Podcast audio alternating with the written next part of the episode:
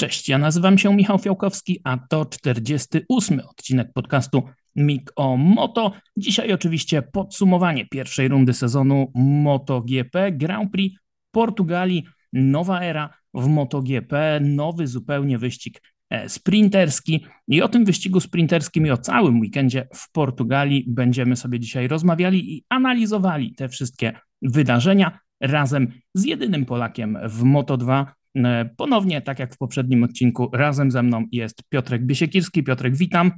Cześć wszystkim, jak zawsze bardzo się cieszę. Witam cię serdecznie i od razu przechodzimy do e, konkretów. Pierwsza z 21 rund sezonu MotoGP Grand Prix Portugalii. Runda nietypowa, no bo jednak na tym torze mieliśmy dwa tygodnie temu e, testy. Przez dwa dni zawodnicy tam testowali, byli przygotowani do tych wyścigów i sami też o tym mówili.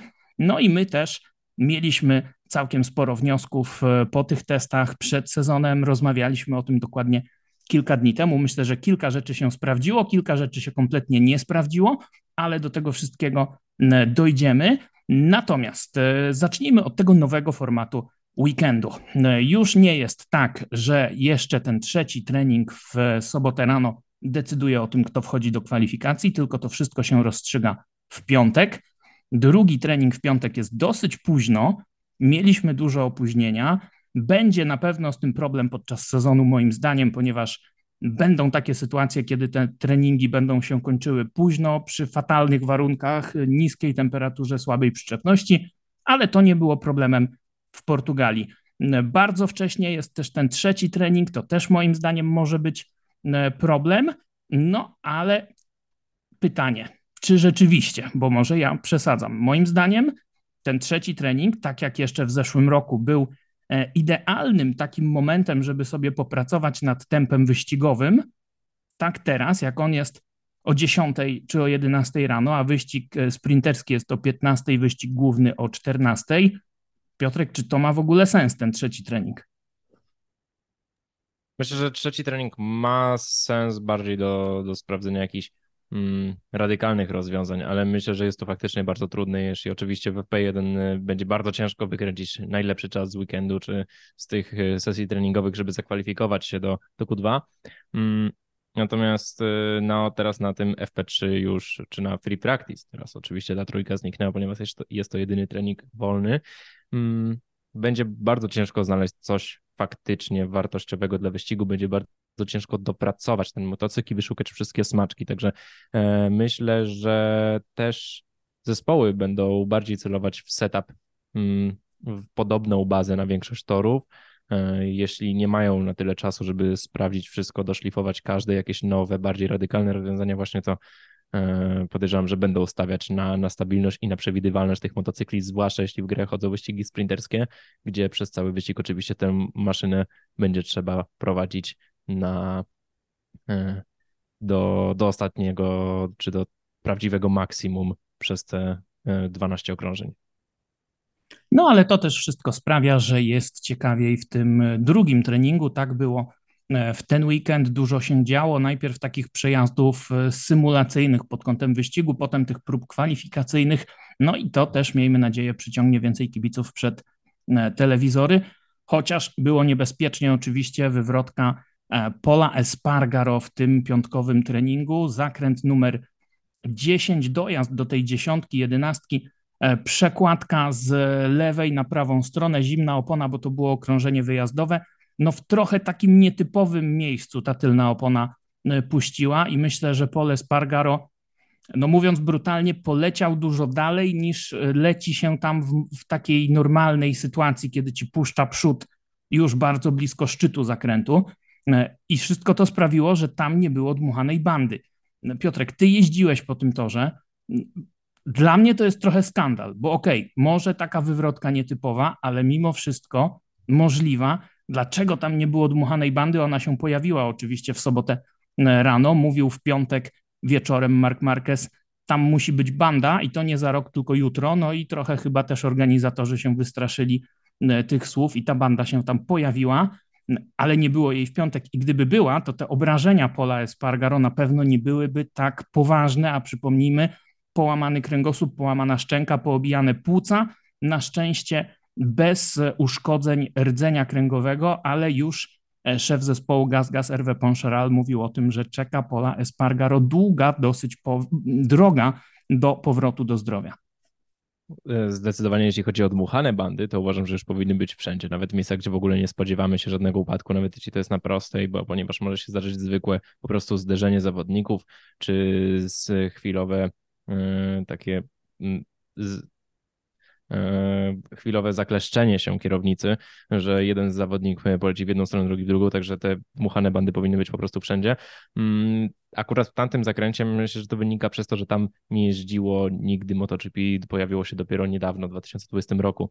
E, na Moto2 na przykład dojeżdżamy tam i zaczynamy hamować i już po tym, po przejechaniu E, górki, czy na samym szczycie i ten początek hamowania jest taki bardzo delikatny i potem jak już mamy coraz większe oparcie, można stopniowo coraz mocniej naciskać tę dźwignię, tą klamkę, e, a superbajki na przykład nie mają takiego docisku jak, jak e, maszyny z Grand Prix mm, przez co też nie są w stanie hamować tak mocno. Natomiast na GP dojeżdżamy tam znacznie szybciej, jest dużo mocniejszy docisk, już można hamować od samego początku właśnie przez, tą, przez te dodatkowe rozwiązania aerodynamiczne i myślę, że to powoduje, że te mocne upadki teraz mogą następować wcześniej, jeszcze na tym, przechodząc przez szczyt e, tego, tej zmiany wysokości mm, na torze. E, może to jest rozwiązanie, które, czy rozwiązanie, które będzie trzeba zaimplementować, to po prostu poszerzenie strefy bezpieczeństwa, ale wiadomo, takie rozwiązania są bardzo drogie, na niektórych torach nawet niemożliwe, przez to jak jest ułożony teren dookoła.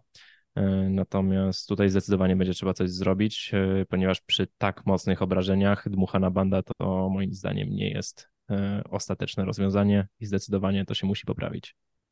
Miejmy nadzieję, że tak się stanie. Trzymamy kciuki za szybki powrót Pola Espargaro do zdrowia. Przechodzimy do kwalifikacji. No i tam pierwsza, mm, myślę, że sensacja tego weekendu. W piątek do Q2 nie wchodzi Mark Marquez z jednej strony moglibyśmy powiedzieć, no tak, spodziewaliśmy się tego, bo on też mówił o tym, że nie są gotowi i tak dalej, i tak dalej. Zaczyna się Q1, Marquez wyjeżdża, robi jedno mierzone okrążenie, bach, nowy rekord okrążenia, e, wszystkim szczęki spadają na ziemię, Mark Marquez na drugi wyjazd już w ogóle nie wyjeżdża, pewnie wchodzi do Q2, w Q2 znowu wsiada, e, tam wtedy jest wywrotka Alejsza Espargaro i to trochę Marqueza wybija z rytmu, bo zawodnicy zazwyczaj mają takie e, w Q2 dwa wyjazdy. Wyjeżdżam, robię jedno, dwa szybkie kółka, zjeżdżam i potem wszyscy razem znowu wyjeżdżają na, ten, e, na tą drugą serię okrążeń. U Marqueza ta pierwsza się opóźniła przez tą wywrotkę Alejsza Espargaro, przez to na ten drugi wyjazd wyjeżdża e, Hiszpan późno. Chciał się złapać pewnie za Martinem, może za e, Peko, nie miał za bardzo za kim. Udało mu się tam upolować Ene Bastianiniego i w tunelu aerodynamicznym za nim na tych ostatnich metrach perfekcyjnie wyciągnięte pole position, wcześniej bardzo ryzykowna jazda blisko Bastianiniego przez trzynastkę. Marquez mówi, no wiem, że to ładnie nie wygląda, ale tutaj się walczy o życie i inaczej się nie da, bo nasz motocykl ma spore ograniczenia względem motocykli e, konkurencji. Piotrek, jak ty oceniasz to okrążenie? Dla mnie to była absolutna poezja. Było to pojechane genialnie, trochę na tak zwanego sępa, jak to się mówi, bo za kimś, no ale jak się inaczej nie da, to trzeba kombinować i rywale też przecież mogą to robić. Dla mnie bomba. I jeśli chodzi o Markeza, myślę, że te mm, jechanie za kimś bardziej służy do zbierania informacji, żeby zaobserwować Ducati, ponieważ tutaj myślę, że co najwyżej mogliby mu pomóc na, na i nie wierzę, że Marquez jest e, typem zawodnika, który potrzebuje kogoś innego, żeby faktycznie pojechać szybko w samym zakręcie. E, także myślę, że tutaj bardziej Chodzi o to, żeby zobaczyć w jakich miejscach na torze tracą, kiedy faktycznie cisną na ten najlepszy czas. E, to, że Marquez zrobił pole nie zdziwiło mnie aż tak do końca, jak mówiłem właśnie w poprzednim odcinku, e, większości narzekali na, na, na czucie tego motocykla, e, więc to, że Marquez wykręcił jedno bardzo dobre kółko w ogóle mnie nie zdziwiło, natomiast no to jak jechał potem w sprincie dla mnie było, było mega. Po prostu sprint moim zdaniem bardzo ładnie pojechany, jak prawdziwy wielokrotny mistrz świata. Mm, agresywne ruchy, natomiast y, w zakresie bezpieczeństwa, o czym no później już nie będziemy mogli tego powiedzieć. Tak jest, zaraz przejdziemy do sprintu, zaraz przejdziemy do wyścigu głównego, ale też jeszcze jedna tutaj myślę ważna informacja, bo mówisz o tym, że Marquez szuka podgląda, ale on też mówił o tym, że brakuje mu trakcji na wyjściach z zakrętów. To było też widać e, przez cały weekend. No i to było też widać szczególnie patrząc na prędkości maksymalne, bo w tym trzecim treningu, w tym sobotnim porannym treningu, Marquez miał czwartą najwolniejszą prędkość maksymalną. Jego średnia prędkość była mniej więcej o 6 km na godzinę wolniejsza od e, czołówki, ta maksymalna prędkość o 7-8 km na godzinę wolniejsza. No i tutaj właśnie, tak jak powiedziałeś, ta prędkość na prostej, e, to wyjście z tego ostatniego zakrętu, to mu bardzo, bardzo dużo daje, bo rzeczywiście w zakrętach był wyraźnie szybszy niż Enea Bastianini. To było widać chociażby w tym 13 zakręcie, gdzie tak podjechał blisko, że ja już byłem pewien, że się zetkną e, oponami ci dwaj zawodnicy, no ale na prostej E, to rzeczywiście pomaga, bo jak już się spojrzy na te wyniki z kwalifikacji, to wygląda to zupełnie inaczej, no ale właśnie dzięki temu, że jechał Mark Marquez e, za kimś. E, wspomniałeś o tym sprincie, więc może do tego sprintu teraz przejdziemy. Kwalifikacje Marquez na pole position, a obok niego Peko Baniaja i Jorge Martin. I tutaj ciekawostka, bo Peko Baniaja i Jorge Martin dysponują oczywiście takimi samymi motocyklami Ducati Desmosedici w specyfikacji 2023, ten nowy motocykl, ale mają inne pakiety aerodynamiczne, mają inne owiewki. Każdy producent, jak już mówiliśmy, może homologować ten jeden pakiet e, i raz go zmienić w trakcie sezonu, ale to nie jest jeden pakiet na motocykl na wszystkich zawodników, tylko jeden pakiet na każdego zawodnika. No i tutaj e, Peko Baniaja wybrał takie owiewki bardziej zbliżone do tych sprzed roku. Jorge Martin wybrał pakiet bardziej innowacyjny e, i Davide Tardozzi, menadżer Ducati Corse, mówił w trakcie weekendu o tym, że e, ten pakiet Aero Martina jest lepszy na prostych, pozwala na osiąganie wyższych prędkości maksymalnych. Pakiet aerodynamiczny e, z kolei Peko jest lepszy w zakrętach. Mimo, że ta prędkość maksymalna może być troszeczkę słabsza, to ten motocykl później lepiej się prowadzi w e, zakrętach i to jest trochę zaskakujące, bo oni zazwyczaj jednak wybierają podobne części. Mówił nawet o tym Jorge Martin po testach. Mówił, dlaczego Peko wybrał ten pakiet? Przecież mi on się zupełnie nie podoba, ten nowy jest lepszy. Taka ciekawostka. No ale kwalifikacje panowie kończą obok siebie i w wyścigu e, tym sprinterskim, tym nowym e, wyścigu na ten sezon na dystansie 12 okrążeń toczą genialny pojedynek. Wygrywa Peko Baniaja, ale nie dlatego, że e, miał inne owiewki. Bardziej tutaj decydująca okazała się kwestia tego, że miał inne opony. Peko Baniaja zdecydował się na ten pośredni przód, Jorge Martin na twardy przód i później po wyścigu Jorge Martin powiedział, że e, ten twardy przód no jednak na te warunki był za twarde. On puszczał, powodował problemy, wynosiło Hiszpana szeroko. No i zresztą po jednym takim wyjeździe na wyjściu z piątki Jorge Martin stracił to prowadzenie, którego później już nie był w stanie odzyskać i na mecie przegrał tę walkę o zwycięstwo o 30 sekundy, a podium uzupełnił, tak jak powiedziałeś, Mark Marquez, który był trzeci. Na finiszu pięknie wyprzedził Jacka Millera i Miguela Oliveira, który, którzy walczyli ze sobą w pierwszym zakręcie. Oliveira wyprzedził Millera, obaj pojechali szeroko, Marquez wyprzedził obu. Był blisko tego prowadzącego duetu, no ale jednak nie udało mu się powalczyć o e, zwycięstwo, chociaż no, dał wszystkim do zrozumienia, że e, do tego zwycięstwa e, wiele nie brakuje. On sobie nawet po tym wyścigu sprinterskim żartował, że zrobił trochę taki hype tym pole position jak Fernando Alonso w Formule 1, bo tam też dużo się o tym mówiło, że Alonso wysoko w treningach, wysoko w kwalifikacjach, jak pojedzie e, w wyścigu. No i tutaj było e, tak samo i rzeczywiście, e, jak to mówią niektórzy komentatorzy, ten hype train bardzo mocno się rozpędził, ale w niedzielę dosyć drastycznie się roztrzaskał. Do niedzieli jeszcze za chwilę, ale Piotrek, Twoje wrażenia, Twoje spostrzeżenia dotyczące sprintu jako koncepcji. Pomińmy na chwilę same wyniki w tym wyścigu, skupmy się na tym, E, czy tobie się ta idea podoba, czy też nie? Już wielokrotnie mówiłem, że nie do końca byłem przekonany do sprintów, kiedy zostały opublikowane, natomiast muszę powiedzieć, że wygląda zupełnie inaczej niż wyścigi Super, e, Super Bowl World Superbike.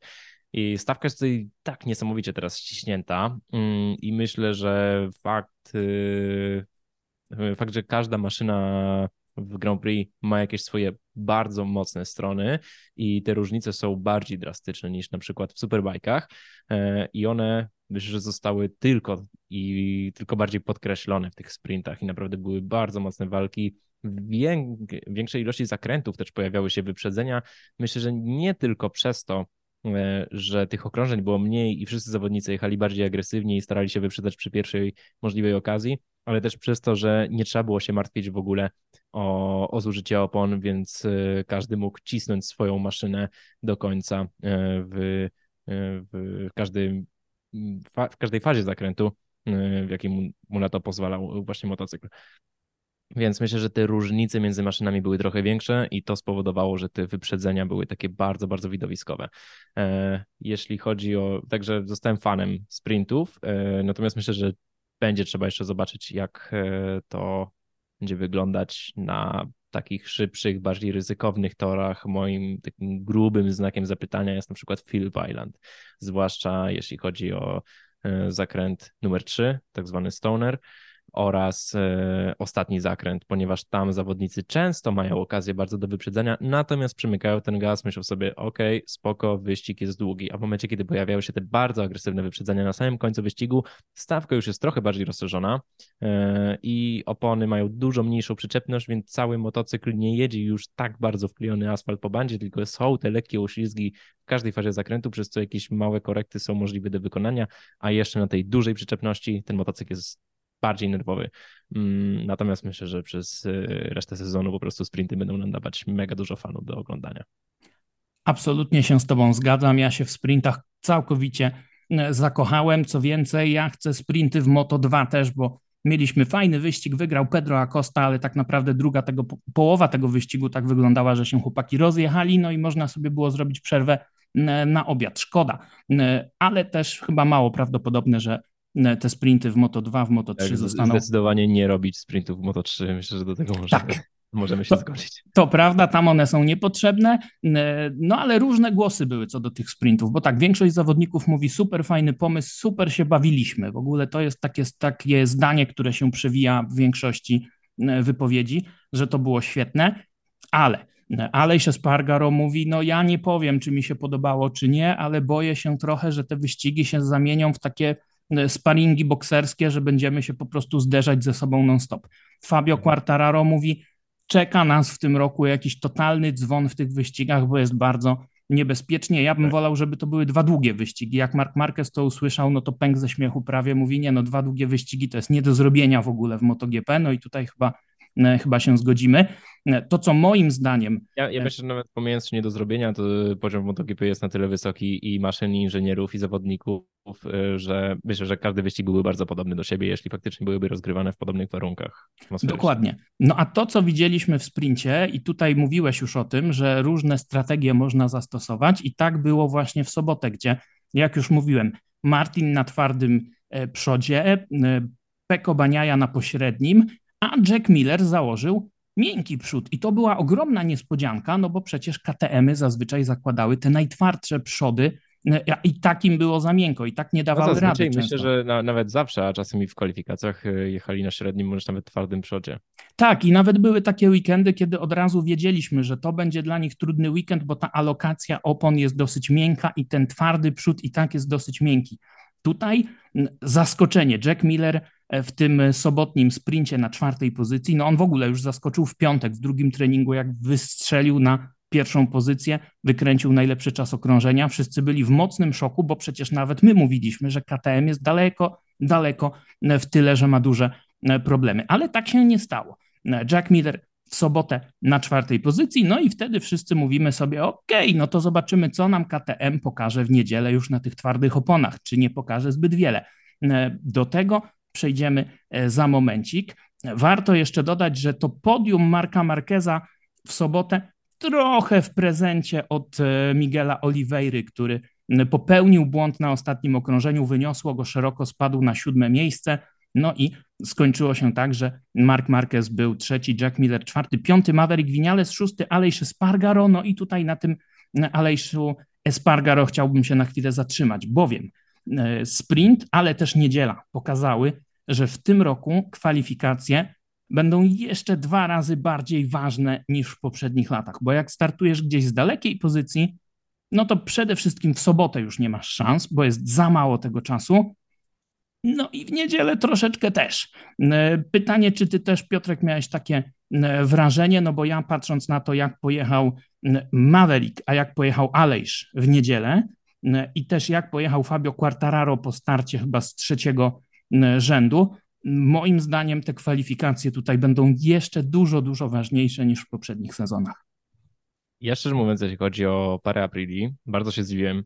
E, to, że Maverick na przykład byłby szybszy w sprincie, aż tak do końca mnie nie zdziwiło, natomiast pięknie trzymał tempo przez cały wyścig, przez cały weekend, naprawdę strasznie stabilnie i też te wywiady z Maverickiem były takie naprawdę dużo bardziej realistyczne, że tak powiem, a nie jeden dobry wynik oznacza, że już znaleźli rozwiązanie do końca życia i zawsze będą wygrywać wszystkie wyścigi, jak to bywało właśnie z Vinalesem.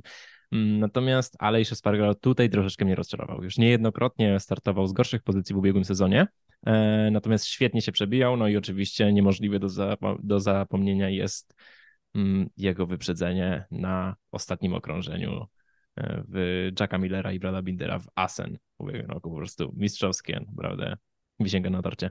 E, natomiast tutaj nie wydaje mi się, że to były tylko problem kwalifikacji, ponieważ tempo miał dobre, porównując do wszystkich innych Aprili, ale to było tempo bardziej bliżej piątego, czwartego miejsca e, niż takiej walki o drugie czy pierwsze miejsce jak e, Vinales.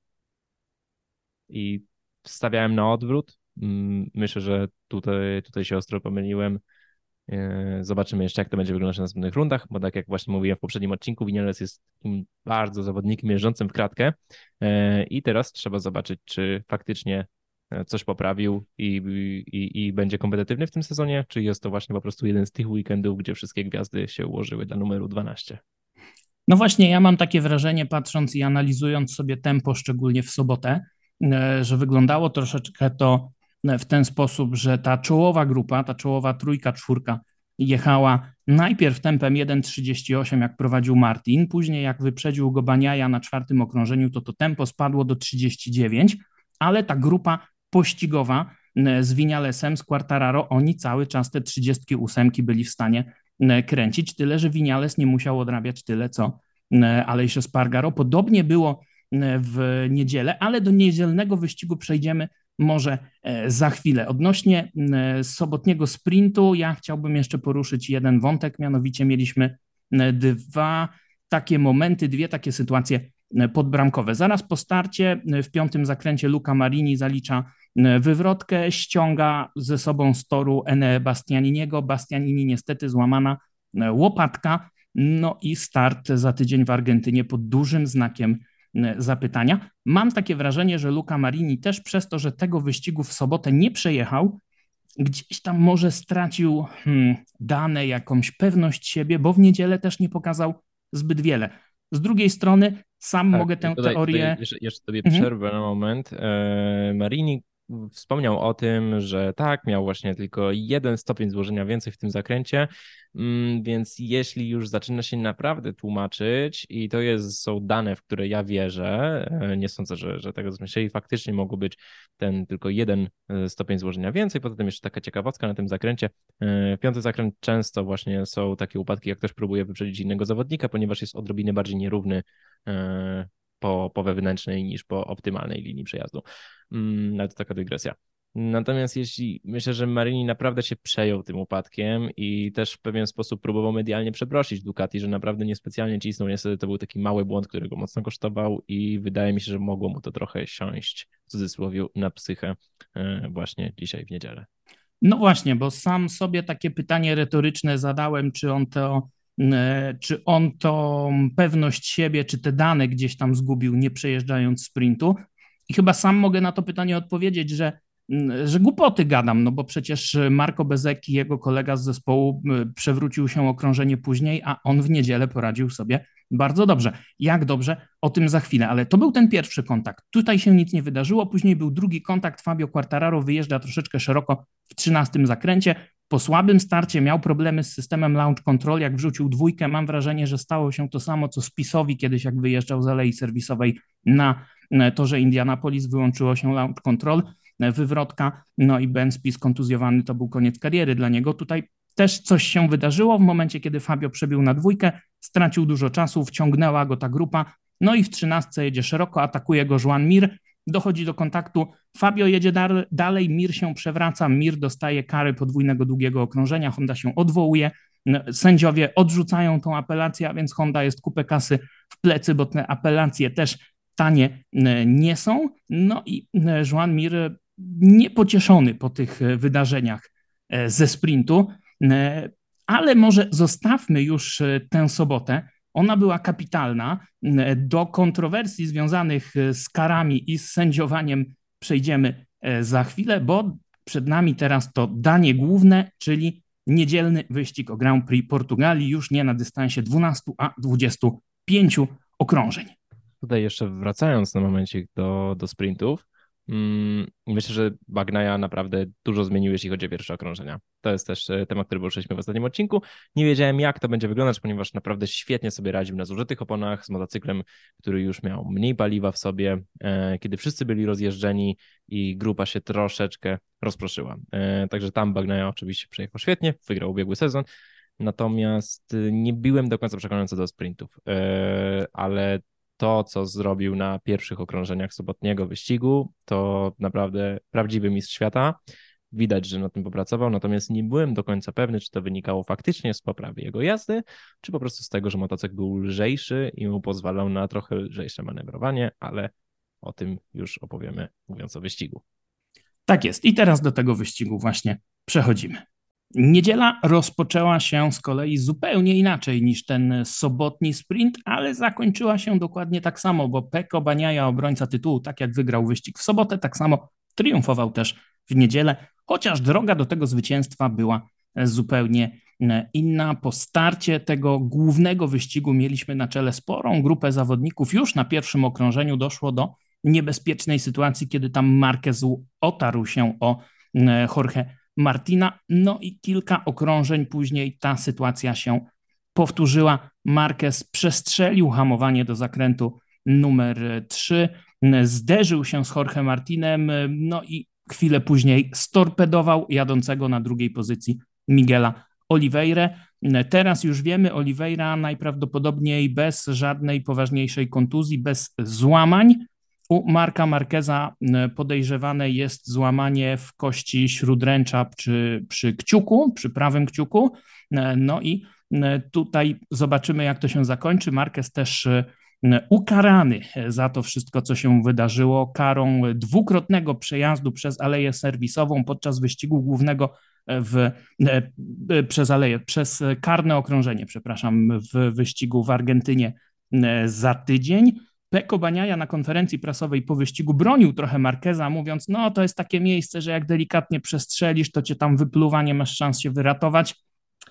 Ale już Alejsz Espargaro mówi, nie no, tego chłopaka to trzeba wykluczyć przynajmniej na jeden wyścig, tak jak e, to było z Nakagamim, czy miało być z Nakagamim e, po tym, co wydarzyło się e, w Barcelonie w zeszłym roku. Taka kara była kiedyś dla Johna Hopkinsa, o ile dobrze pamiętam, po tym jak storpedował rywali na torze Motegi w Japonii dawno, dawno temu, 2006-2007 jakoś tak, rok.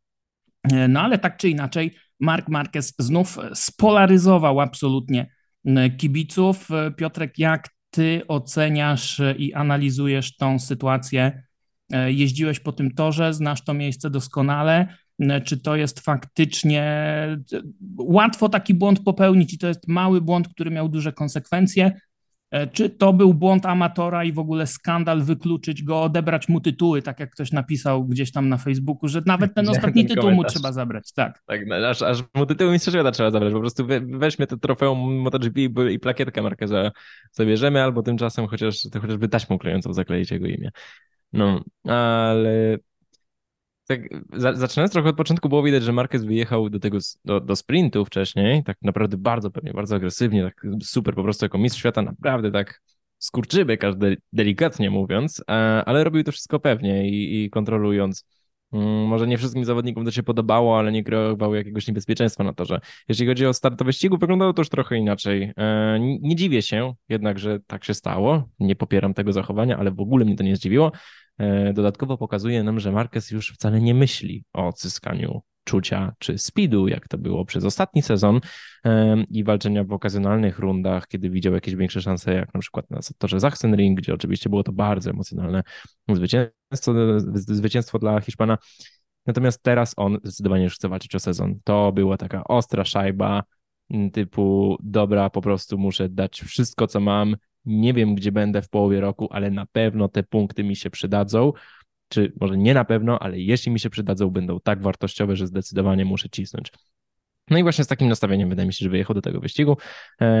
Ten błąd już na pierwszym okrążeniu był taki dosyć mm, nie aż tak duży, natomiast to, że spróbował go bardzo agresywnie skorygować, spowodowało to, że prawie spadł z motocykla i nawet został potrącony przez innych zawodników, także tam trochę e, sam sobie narobił e, potencjalny, potencjału na jakąś kontuzję. Na szczęście nic się nie stało wtedy. E, a jeśli chodzi o hamowanie do trzeciego zakrętu, to szczerze mówiąc dziwi mnie to, jak mało tam jest takich incydentów. Faktycznie jest to zakręt bardzo bardzo łatwy do przestrzelenia. I nawet nie chodzi o to, że cały czas hamuje się w złożeniu, tylko już zaczyna się hamować w złożeniu, dojeżdżając straszliwie szybko z zakrętu drugiego, który jest jeszcze nierówny, a mamy wtedy całą masę motocykla na tylnym kole, więc to tak naprawdę przednia opona po prostu nam lata na prawo i lewo i na wyjściach tam się przód zamyka, natomiast tak naprawdę jest to taki trochę kontrolowany już uścisk, a w momencie, w którym pojawia się trochę oparcia od asfaltu, to przednie koło wraca na miejsce i w tym momencie musimy zacząć hamowanie, jest po prostu zero e, dociążenia tego przedniego koła, bardzo łatwo, żeby już wtedy się uślizgnęło, także mm, małe zmiany w momencie hamowania powodują, że na przykład e, ten motocykl się wtedy strasznie destabilizuje, ponieważ nie jesteśmy w stanie go najpierw w cudzysłowie przysiąść na wprost. E, I jeszcze jak do tego dodamy to, że te maszyny GPS są wyraźnie szersze niż Moto 2, że mamy te skrzydełka, to że Marcos, Marquez po prostu jechał jak szajbus do tego, do tego wyścigu, mm, no to zdecydowanie nie było to odpowiedzialne. Natomiast nie dziwi mnie, że taki incydent miał miejsce akurat w tym zakręcie. Mm, tutaj zdecydowanie wina jest po stronie 93. Mm, myślę, że kara dosyć lekka. Jak dla mnie to powinno być e, podwójna long lap w sprincie i w wyścigu, e, ale to już zostawmy sędziom. Mm, jeśli chodzi o Oliveira, no to naprawdę bardzo, bardzo duża szkoda, zwłaszcza dla fanów. Myślę, że Marquez mógł teraz stracić kilku followów na Instagramie.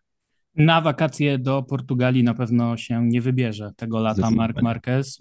Wygwizdany, wybuczany przez kibiców, kiedy tam próbował przeprosić Miguela Oliveira w boksie zespołu e, RNF. No ale tutaj rzeczywiście e, trudno się z tobą nie zgodzić. Wina ewidentna Marka Marqueza. Ja mam też trochę wrażenie, że to też pokazuje, jak bardzo on musi te problemy z prędkością, z trakcją na wyjściach nadrabiać w takich właśnie hamowaniach, w takich miejscach, w których no, no wiemy, że to zawsze była jego mocna strona, te późne hamowania. No i tutaj trochę jednak przesadził. Była dokładnie taka sama sytuacja, nie wiem czy pamiętasz, dwa lata temu w Moto 3 Daryn Binder e, tak, ściął w ten sposób Denisa e, Foggia. Foggia przez to stracił szansę na walkę o mistrzowski tytuł. No i można powiedzieć tak, no Daryn Binder to może taki błąd popełnić, ale nie Mark Marquez. No nie Mark Marquez i nie w... Zwłaszcza, że Binder miał już na swoim koncie skaszanie zawodników na ostatnich okrążeniach, chociażby pamiętam, że w 2019 roku czy 2018, kiedy to Aaron Canet walczył o Mistrzostwo Świata w Moto3, został ścięty właśnie przez Daryna Bindera na ostatnim lub przedostatnim okrążeniu e, w Buriram. To bardzo dobrze pamiętam, bo wtedy mocno kibicowałem Canetowi. Mm, ale Marquez Jeśli... też ma takie historie na swoim tak, koncie. Oj, zdecydowanie i ma takie Argentyna. historie, że Myślę, że gdyby nie fakt, że tam jeżdżą bardzo doświadczeni zawodnicy i już kiedy kątem oka widzą pędzącą maszynę, też wiedzą jak się zachować, ponieważ gdyby nie to, e, to myślę, że pojawiłoby się więcej takich historii, kiedy Marquez czy też ktoś inny skosza, skaszałby innych zawodników, ale no tak jak mówię, jest tutaj bardzo dużo doświadczenia, po obu, obie strony wiedzą jak się zachować w takich sytuacjach, żeby zminimalizować ryzyko oraz czas stracony na torze, jeśli nie dojdzie oczywiście do upadku, tylko do zderzenia. Ale miałeś faktycznie cenną uwagę, że to, jak Marquez cisnął, pokazuje, jak bardzo w tyle jest Honda z tym prowadzeniem i zwłaszcza z wprowadzeniem w jednej fazie zakrętu, tak, bo jeśli pozwala mu na tak mocne ciśnienie na hamowaniu, oczywiście przy mega niestabilnej maszynie, ale wciąż jest w stanie się zmieścić w zakręt, to znaczy, że te problemy na wyjściach naprawdę muszą być bardzo, bardzo mocne. A do tego myślę, że pokazuje nam też, w jakiej formie jest teraz Marquez i no, nie wyglądało to, jakby mu tam przeszkadzała ta prawa ręka podczas hamowania. Tak jest, Marquez wrócił, Honda zdecydowanie jeszcze nie wróciła, bo Alex Rins w wyścigu był dopiero dziesiąty, Juan Mir był jedenasty, stracili odpowiednio 11 i 16 sekund, no ale musimy pamiętać, że Juan Mir musiał przejechać to podwójne długie okrążenie po tej kolizji z Quartararo w sobotę. Biedny Quartararo rzeczywiście tam poobijany z każdej strony i w sobotę i w niedzielę. No i tym sposobem Mark Marquez pozbawił nas, mam wrażenie, kapitalnego e, wyścigu, kapitalnych emocji, bo ta walka jeszcze tam z Oliveirą i z Martinem byłaby z pewnością dużo ciekawsza. Marquez i Oliveira odpadli z walki, a z kolei Jorge Martin no, praktycznie musiał się tam zatrzymać e, w tym zakręcie, żeby nie przejechać najpierw Oliweiry, potem Marqueza. Wrócił do wyścigu na 15 pozycji, przebił się na dziewiąte miejsce, jechał tuż za Fabio Quartararo, ale pod koniec wyścigu zaliczył wywrotkę. W sobotę po sprincie Jorge Martin mówił: Byłem troszeczkę zbyt zdenerwowany, troszeczkę zbyt zestresowany. Muszę nad tym popracować.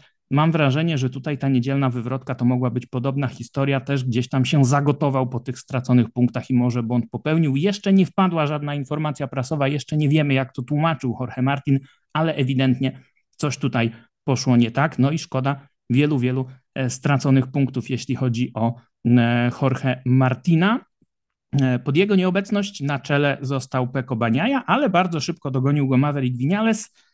No i tak gonił, gonił, gonił, ale nie dogonił, niestety. Liczyliśmy na to, że będzie piękna walka. Był to troszeczkę taki pojedynek korespondencyjny. No i Vinales na mecie zameldował się ze stratą 0,6 sekundy. No przypomnijmy, że on startował z dużo lepszej pozycji niż Alejsz Spargaro, no i to gdzieś tam znów było widać, bo Winiales walczył o prowadzenie, Alejsz Spargaro walczył w grupie o, no można powiedzieć, że o czwarte miejsce, bo później dogonił tę grupę, ale jednak był daleko z tyłu.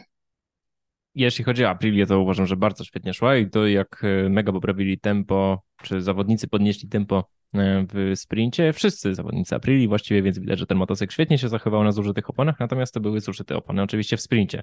Nie wiedziałem, jak to będzie wyglądać w wyścigu, bo jest to, e, można powiedzieć, e, adekwatne do połowy wyścigu pełnodystansowego, właściwie do pierwszej połowy, e, natomiast świetnie się zachowywała na zużytych gumach. Mm, jeśli chodzi o to gonienie Vinalesa, czy gonienie night przez Vinalesa, bardzo mi przypominało e, sytuację z ubiegłego sezonu na torze w Le Mans we Francji, kiedy to Alejsze Spargaro gonił e, Chucka Millera.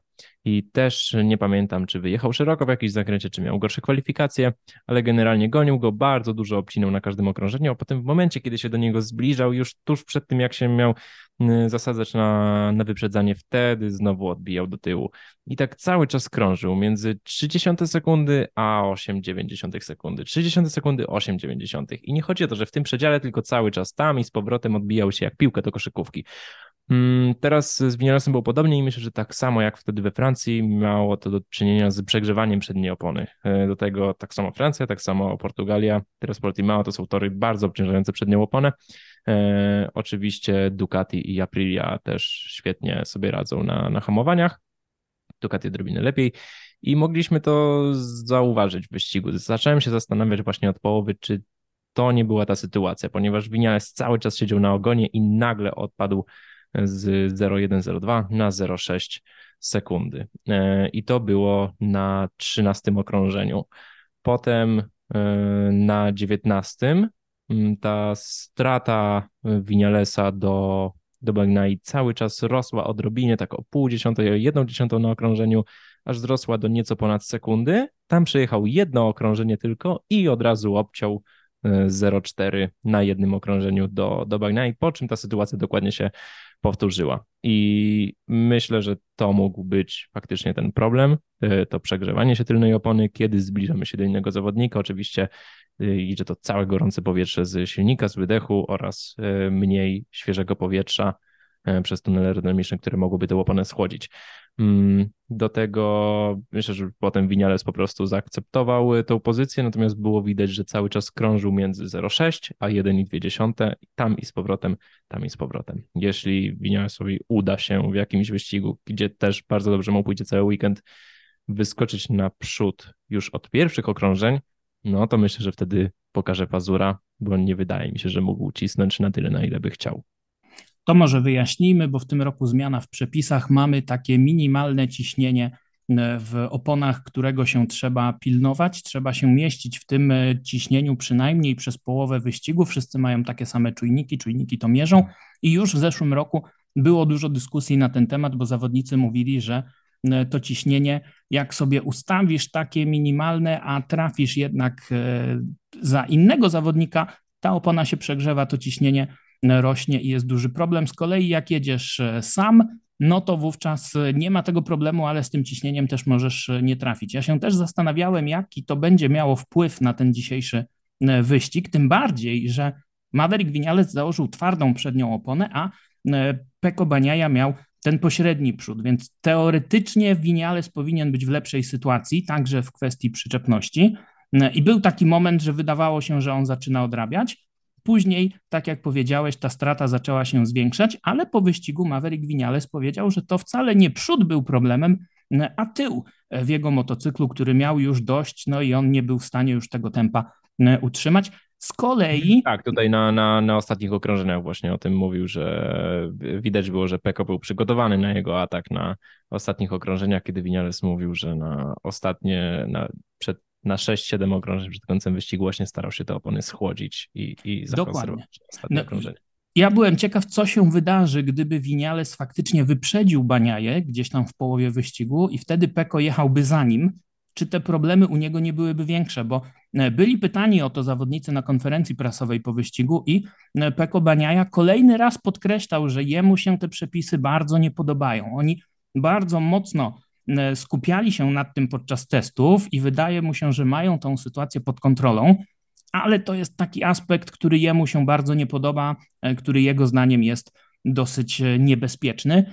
No, tak czy inaczej, Peko Baniaja wygrywa pierwszy wyścig sezonu, wygrywa historyczny pierwszy sprint tego sezonu i z kompletem punktów przewodzi na czele klasyfikacji generalnej. Maverick Vinales dzisiaj na drugiej pozycji był z tego drugiego miejsca dużo bardziej zadowolony niż na przykład Aaron, Aaron Canet, wspomniany przez ciebie z drugiego miejsca w wyścigu Moto2, bo on tam prawie płakał dziesiąte? z rozpaczy. E, proszę? Czy to było dziewiąte czy dziesiąte drugie miejsce chyba? Bardzo możliwe, ale widać było, że już po prostu e, chciał iść do domu po prostu. Aaron, Aaron Canet miał taką minę zbitego psa i w ogóle się z tego drugiego miejsca nie cieszył, podczas gdy Vinales był z tej drugiej pozycji bardzo, bardzo zadowolony, no ale trudno się dziwić. Vinales zdaje sobie sprawę, że to Ducati jest bardzo, bardzo mocne, będzie trudno je pokonać, a Aaron Canet rozpoczyna sezon licząc na walkę o mistrzowski tytuł e, w Moto2. E, tymczasem podium w kategorii MotoGP uzupełnia Marco Bezecchi, który powiedział, że jak już się przebił na to trzecie miejsce, to w ogóle się nie oglądał za siebie, tylko patrzył na tego Vinalesa, próbował go dogonić, no ale na mecie dwóch sekund e, zabrakło. Natomiast Bezeki odjechał od tej grupy pościgowej i w tej grupie pościgowej e, walczyli przez długi czas Alex Marquez i zawodnicy KTM-a. No i znów Brad Binder, fatalne kwalifikacje, startował z 15 pozycji. Przypomnijmy, że on w piątek po, e, po treningach pojechał do Faro, żeby poddać się rezonansowi magnetycznemu, ponieważ przewrócił się w Portimao podczas testów. Bardzo go bolała szyja, no i w KTM-ie mu powiedzieli, no jak cię boli, to sobie weź tabletkę, ale jak coś ci tam się faktycznie popsuło, to lepiej by było, żebyśmy to wiedzieli. Pojechał do szpitala, zrobili mu ten rezonans, wszystko jest w porządku, ale obolały, osłabiony. Nawet były takie głosy, że nie wiadomo, czy on da radę ten wyścig przejechać. Przejechał, przejechał go kapitalnie. Wyprzedził Millera, który przecież startował z drugiego rzędu, z piątej, a nie z piętnastej pozycji. Obaj przegrali z Aleksem Marquezem na tych ostatnich metrach. No ale Alex Marquez przegrał z Joanem Zarko, który pogodził ich wszystkich. Dla mnie Joan Zarko był takim rozczarowaniem zimowych testów, trochę rozczarowaniem sprintu, chociaż on po tym sprincie, jak tam udzielał jakiegoś wywiadu, to było słychać, że ledwo mówi, więc chyba jest dosyć mocno chory e, Joan Zarko w ten weekend, ale w wyścigu odpalił. Nie była to walka o podium, ale tak zwany best of the rest. Joan Zarko tutaj naprawdę bardzo ładnie e, dał radę. Piotrek, e, co ty sądzisz o tym pojedynku, o to czwarte miejsce? Pojedynek był po prostu świetny. E, jeśli chodzi tutaj o duet KTM-a, to na papierze wygląda to jakby Binder miał dużo lepsze tempo od Millera, skoro z 15 pozycji, tak startując 10 pozycji za, e, za Millerem był w stanie go wyprzedzić. Natomiast dosyć szybko w sumie e, zaczęli jechać razem i nawet sobie to właśnie zapisałem w notatkach, że kurczę, zobaczymy jak, jak to się potoczy i byłem pewny, że Miller będzie w stanie trochę szybciej przejechać ten środek wyścigu, natomiast spodziewałem się Bindera, który by mega odpalił i po prostu zostawił Jacka w tyle na jakichś ostatnich sześciu, siedmiu, ośmiu okrążeniach. Tak się jednak nie stało. Było widać, że Binder miał odrobinę troszkę więcej odwagi, nawet bym powiedział, ponieważ o, obaj zawodnicy jechali naprawdę stabilnie, jeśli chodzi o, o ten motocykl. Widać było, że nie prowadził się wcale źle, natomiast bardzo brakowało im myślę, na, na wejściach do zakrętów, e, gdzie zawsze KTM narzekał na te wyjścia. Teraz myślę, że dalej motocykl sam w sobie dobrze tam e, nie funkcjonuje, ale znacznie lepiej zakonserwowali oponę od Alexa Marqueza, które było widać, że był w stanie jechać szybko, natomiast miał bardzo dużo ruchu na tylnej oponie, zwłaszcza na wyjściach zakrętów, natomiast bardzo mu pomogła też ta dodatkowa moc Ducati na prostej, gdzie tam zazwyczaj odbijał z powrotem te pozycje. Jeśli chodzi o Johana Zarko, to świetne ostatnie okrążenia. Naprawdę, naprawdę piękne. Te, te pewne, dynamiczne wyprzedzenia i naprawdę nie miał czasu na to, żeby je za bardzo przemyśleć, ale robił to w sposób e, bezpieczny również. Taki mocno agresywny. Nie podobało się to chyba innym zawodnikom, ale dalej że tak powiem, szanując zdrowie swoich rywali. I jeśli chodzi o Alexa Marqueza, nie zdziwiło mnie za bardzo to piąte miejsce. E, jak już wcześniej mówiłem, spodziewałem się, że 73 e, całkiem szybko, czy może nie szybko wiedzi się w Ducati, ale kiedy już to zrobi, będzie walczył o naprawdę ciekawe pozycje.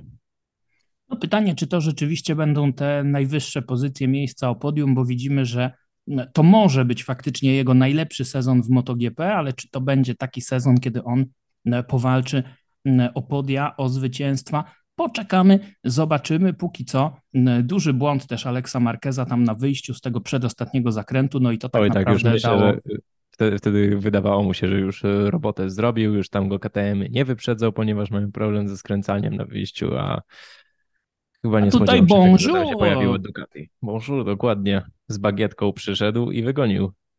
Dokładnie tak to zrobił Jean Zarko. Cichy bohater na pewno tego e, dzisiejszego wyścigu. Dogonił tę grupę na ostatnich okrążeniach Fabio Quartararo, mistrz sprzed dwóch sezonów. No i Fabio Quartararo mówił na początku weekendu o tym, że e, pogubili się z tymi wszystkimi nowymi częściami, więc wrócili do motocykla sprzed roku z tym e, mocniejszym silnikiem. On jest mocniejszy, ale nadal nie tak mocny, jakby Fabio Quartararo chciał. E, I po wyścigu w rozmowie z francuską telewizją Quartararo powiedział: No, ta Yamaha to już nie jest taki motocykl na poziomie e, MotoGP. Ja robię co mogę, a jakby tego było mało, to jeszcze nie mam kolegi w zespole, który by robił swoją robotę. No tutaj pocisnął, mam wrażenie, Fabio Quartararo E, swojemu team partnerowi Franco Morbidellemu. Też e, w trakcie weekendu pojawił się taki tweet ze strony e, Ramona Forcady, a więc byłego szefa mechaników. Najpierw Jorge Lorenzo, potem właśnie Franco Morbidellego. Ramon Forcada powiedział: Ja nie wiem, co oni w tym boksie u Morbidelliego robią, więc widać, że tutaj rozżalony chyba też trochę Forcada, że tam Yamaha z nim nie przedłużyła umowy, ale Franco Morbidelli w tym wyścigu ostatni, czternasty i to jest Żadna niespodzianka, ale ponownie największe rozczarowanie tego weekendu. 14 i prawie dwa razy dalej od czołówki niż Juan Mir na 11 pozycji, który właśnie miał karę e, przejazdu przez long lap. Tak, Morbidelli 27 sekund za zwycięzcą, 5 e, sekund za debiutantem Augusto Fernandezem, 10 e, sekund za taką Nakagamim, który i tak przegrał walkę z Mirem, tak jak powiedziałeś, Mir po tej karze, po tym przejeździe przez e, długie okrążenie i tak przed Nakagamim, który dla mnie też jest e, no nieporozumieniem jednak, patrząc na te wyniki. Oczywiście tam była ta kontuzja z poprzedniego sezonu z Aragonii, ale mimo wszystko Taka Nakagami gdzieś tam zaczyna zostawać e, w tyle. W tyle też był Aleix Espargaro, który był dziewiąty, walczył z Fabio Quartararo na tych ostatnich okrążeniach, e, no ale też myślę, że to pokazuje to, o czym mówiłem już wcześniej. Jak się słabo zakwalifikujesz, to nawet jak masz dobry motocykl, nawet jak masz tempo, to już po prostu w czołówce nie powalczysz. Winiales Ale drugi. I do tego też musimy przypomnieć, że te pozycje są lepsze niż by się wydawało, ponieważ bardzo wielu zawodników z czołówki się przewróciło samemu lub z pomocą innych.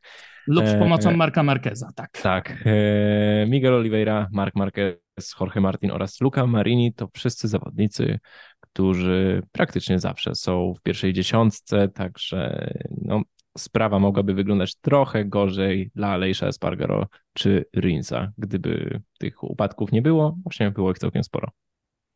No i nie tylko oni e, nie ukończyli wyścigu, bo też Raul Fernandez, e, który miał problemy z przedramieniem i powiedział, że musi poddać się badaniom. Możliwe, że czeka go podobna operacja jak Alejsza Spargaro.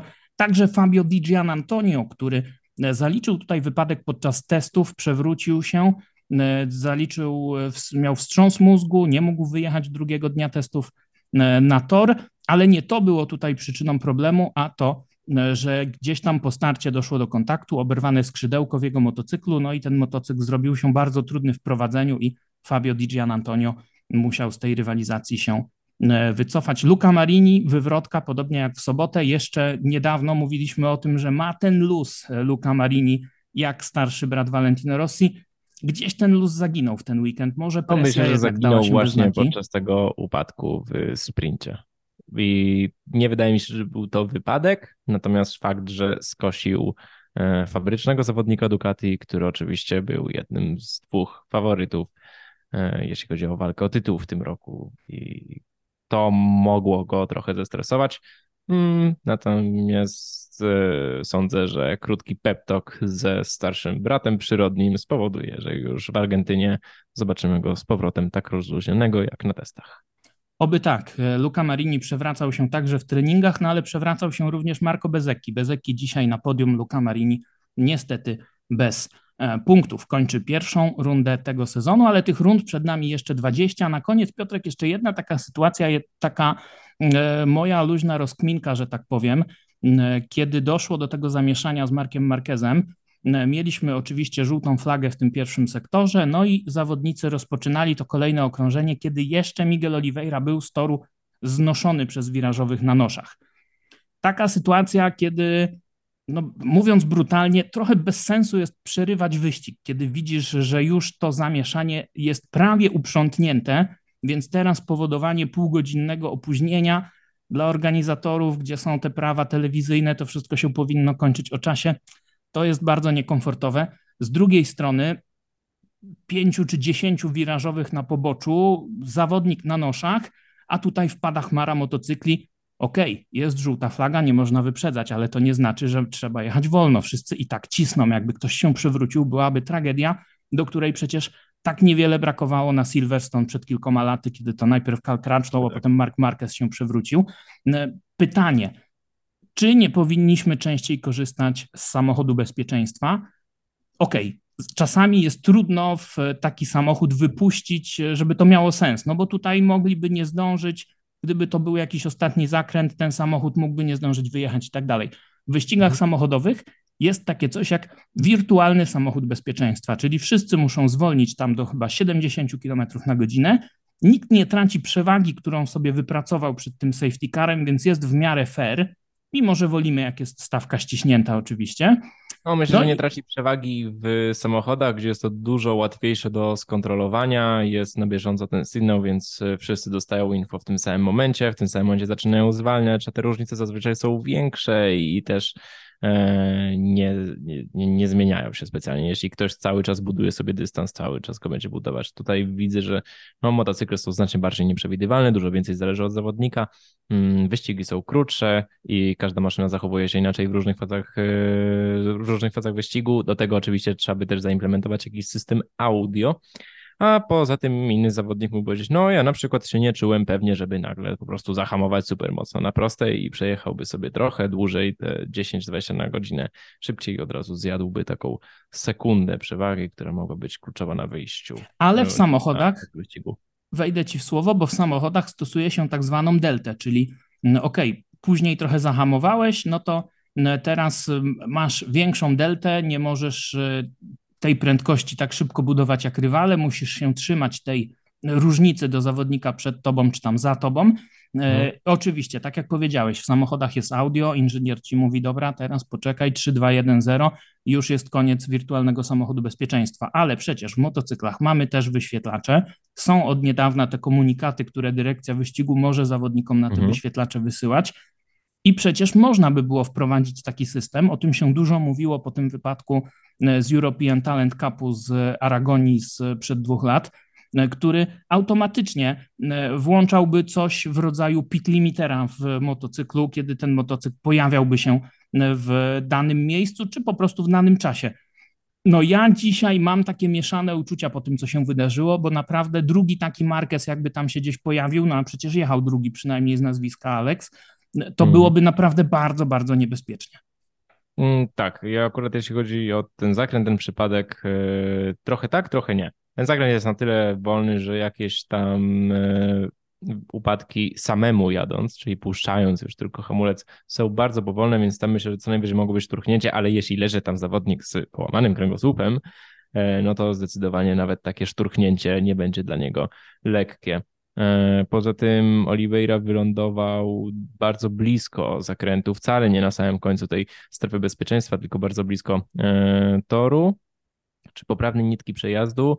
Tam żółta flaga mm, akurat do takich sytuacji nie uważam, że rozwiązaniem jest safety car, tylko rozwiązaniem jest naprawdę popędzanie gości, ponieważ strasznie wolno reagowali. Tak samo było w przypadku Pola Spargaro e, na treningu wolnym i czy na P2, a I tak samo było teraz w wyścigu, co jest po prostu moim zdaniem niewybaczalne e, czy nieakceptowalne, e, lepiej mówiąc. Do tego po prostu musieliby reagować bardzo, bardzo szybko i iść z noszami, nieważne czy zawodnik jest na nogach, czy nie, jak wygląda, bo tam ewidentnie najpierw przyszli, no, przyszli wirażowi, żeby go osłonić, sprawdzić, jak się czuje. Potem przyszedł lekarz, a dopiero potem wzięli nosze. I według mnie powinno być tam po prostu, może lekarz był daleko, więc wtedy jeden, dwóch, trzech, czterech, pięciu więcej na torze. Zdecydowanie Dorna ma na to budżet, e, a nosze powinni już mieć przygotowani i biec, dopóki nie zobaczą zawodnika, który faktycznie sprawnie, samemu bez żadnej pomocy jest w stanie zejść z toru, wtedy dopiero się zawrócić. I w takich e, sytuacjach nie wyobrażam sobie w ogóle, żeby zawodnicy zdążyli zrobić pełne okrążenie, e, zanim mm, zawodnik czy kontuzjowany zawodnik y, będzie zniesiony z toru. A to jest jeszcze takie miejsce, gdzie w zeszłym roku przecież mieliśmy te opady deszczu, tam się nie palili wirażowi, żeby flagą pomachać, połowa stawki Moto2 wyleciała. Oj, tam, no, tam to było naprawdę niebezpieczne, nie wiem jak to się stało, że nie było żadnej tragedii. Tak, dokładnie, ale może zostawmy już te, tę kwestię. Dajcie znać w komentarzach, co o tym sądzicie, czy powinien być wirtualny samochód bezpieczeństwa takim rozwiązaniem, które można zastosować w MotoGP, czy też nie. Już za tydzień kolejna druga runda MotoGP Grand Prix Argentyny. Ja mam wrażenie, że to będzie taka pierwsza prawdziwa runda, bo tam nikt nie testował, tam nikt nie jeździł przez ostatni rok. Tam zobaczymy tak naprawdę, jak ten nowy format weekendu MotoGP, jak te sprinty, jak to wszystko się w rzeczywistości e, sprawdzi. Ale nie tylko zawodnicy MotoGP będą za tydzień się ścigać, bo Piotrek, ty też masz za tydzień wyścigi, prawda? Tak, e, jeszcze tylko krótko podsumowując e, wyścig, to tak jak mówiłem w sprincie widzieliśmy Magnaja, który naprawdę świetnie wystartował. Tutaj była dokładnie powtórka tego samego, także wcale nie, nie wynikało to z mniejszej ilości paliwa w baku, tylko mamy tutaj nowego Peko Baniaje, który już nie wywalczył mistrza świata w cudzysłowie tylko w 2022 roku, ale zdecydowanie jest e, materiałem na, na nowego Rossiego, czy też Marqueza, jak to niektórzy go nazywają. A jeśli chodzi o moje wyścigi, to tak już y, za już w, ten, w tę środę wybieram się do Jerez, czwartek, piątek będą treningi wolne, sobota pierwszy wyścig, niedziela drugi wyścig, będą to Mistrzostwa Hiszpanii, w których jadę na mojej własnej R1. Jest to maszyna treningowa, całkiem fajnie przygotowana, natomiast nie jest oczywiście to e, fura z czoła stawki, ale wcale nie sprawi to, że e, będę akceptował jakieś gorsze pozycje. Mm, postaram się przynieść do domu jak najlepszy wynik, a jest tam naprawdę bardzo ciekawa stawka, między innymi z najszybszych zawodników. E, Steven Odendal, którego oczywiście wszyscy powinni bardzo dobrze kojarzyć z Mistrzostw Świata Moto2 oraz e, World Supersport. Dokładnie tak, a więc zapowiada się ciekawe ściganie. Nie ma chyba w internecie relacji z tych wyścigów, ale na pewno będziesz o tym wszystkim informował w swoich social mediach. Będę informował, najwięcej na, storyka, na storiskach, więc zapraszam wszystkich do followowania, gdzie też coraz więcej kontentu się pojawia. Tak jest, dobra robota ostatnio Piotrek, będziemy śledzić e, na pewno, no i będziemy się pewnie łączyć jakoś po e, Grand Prix Argentyny, zobaczymy jak to logistycznie jeszcze sobie rozegramy, ale dzisiaj już musimy kończyć. Ja tylko przypominam, że połowa z Was, którzy słuchacie nas i oglądacie na YouTubie, nie subskrybujecie kanału, więc będę Wam bardzo wdzięczny, jak tam klikniecie tego subka, tego lajka, tego dzwoneczka i te wszystkie inne wynalazki, e, bo dzięki temu mamy lepsze zasięgi, możemy robić lepsze materiały, mimo że to jest absolutnie podcast niekomercyjny i tutaj nikt na tym nie zarabia. Robimy to, bo to lubimy i będziemy to robić za tydzień ponownie, mam nadzieję. Piotrek, dziękuję Ci bardzo. Trzymam kciuki za udane wyścigi w Jerez, no i czekamy na Grand Prix Argentyny. Dzięki Mik, pozdrowienia wszystkim i życzę udanego tygodnia. Dziękujemy bardzo, do usłyszenia, cześć.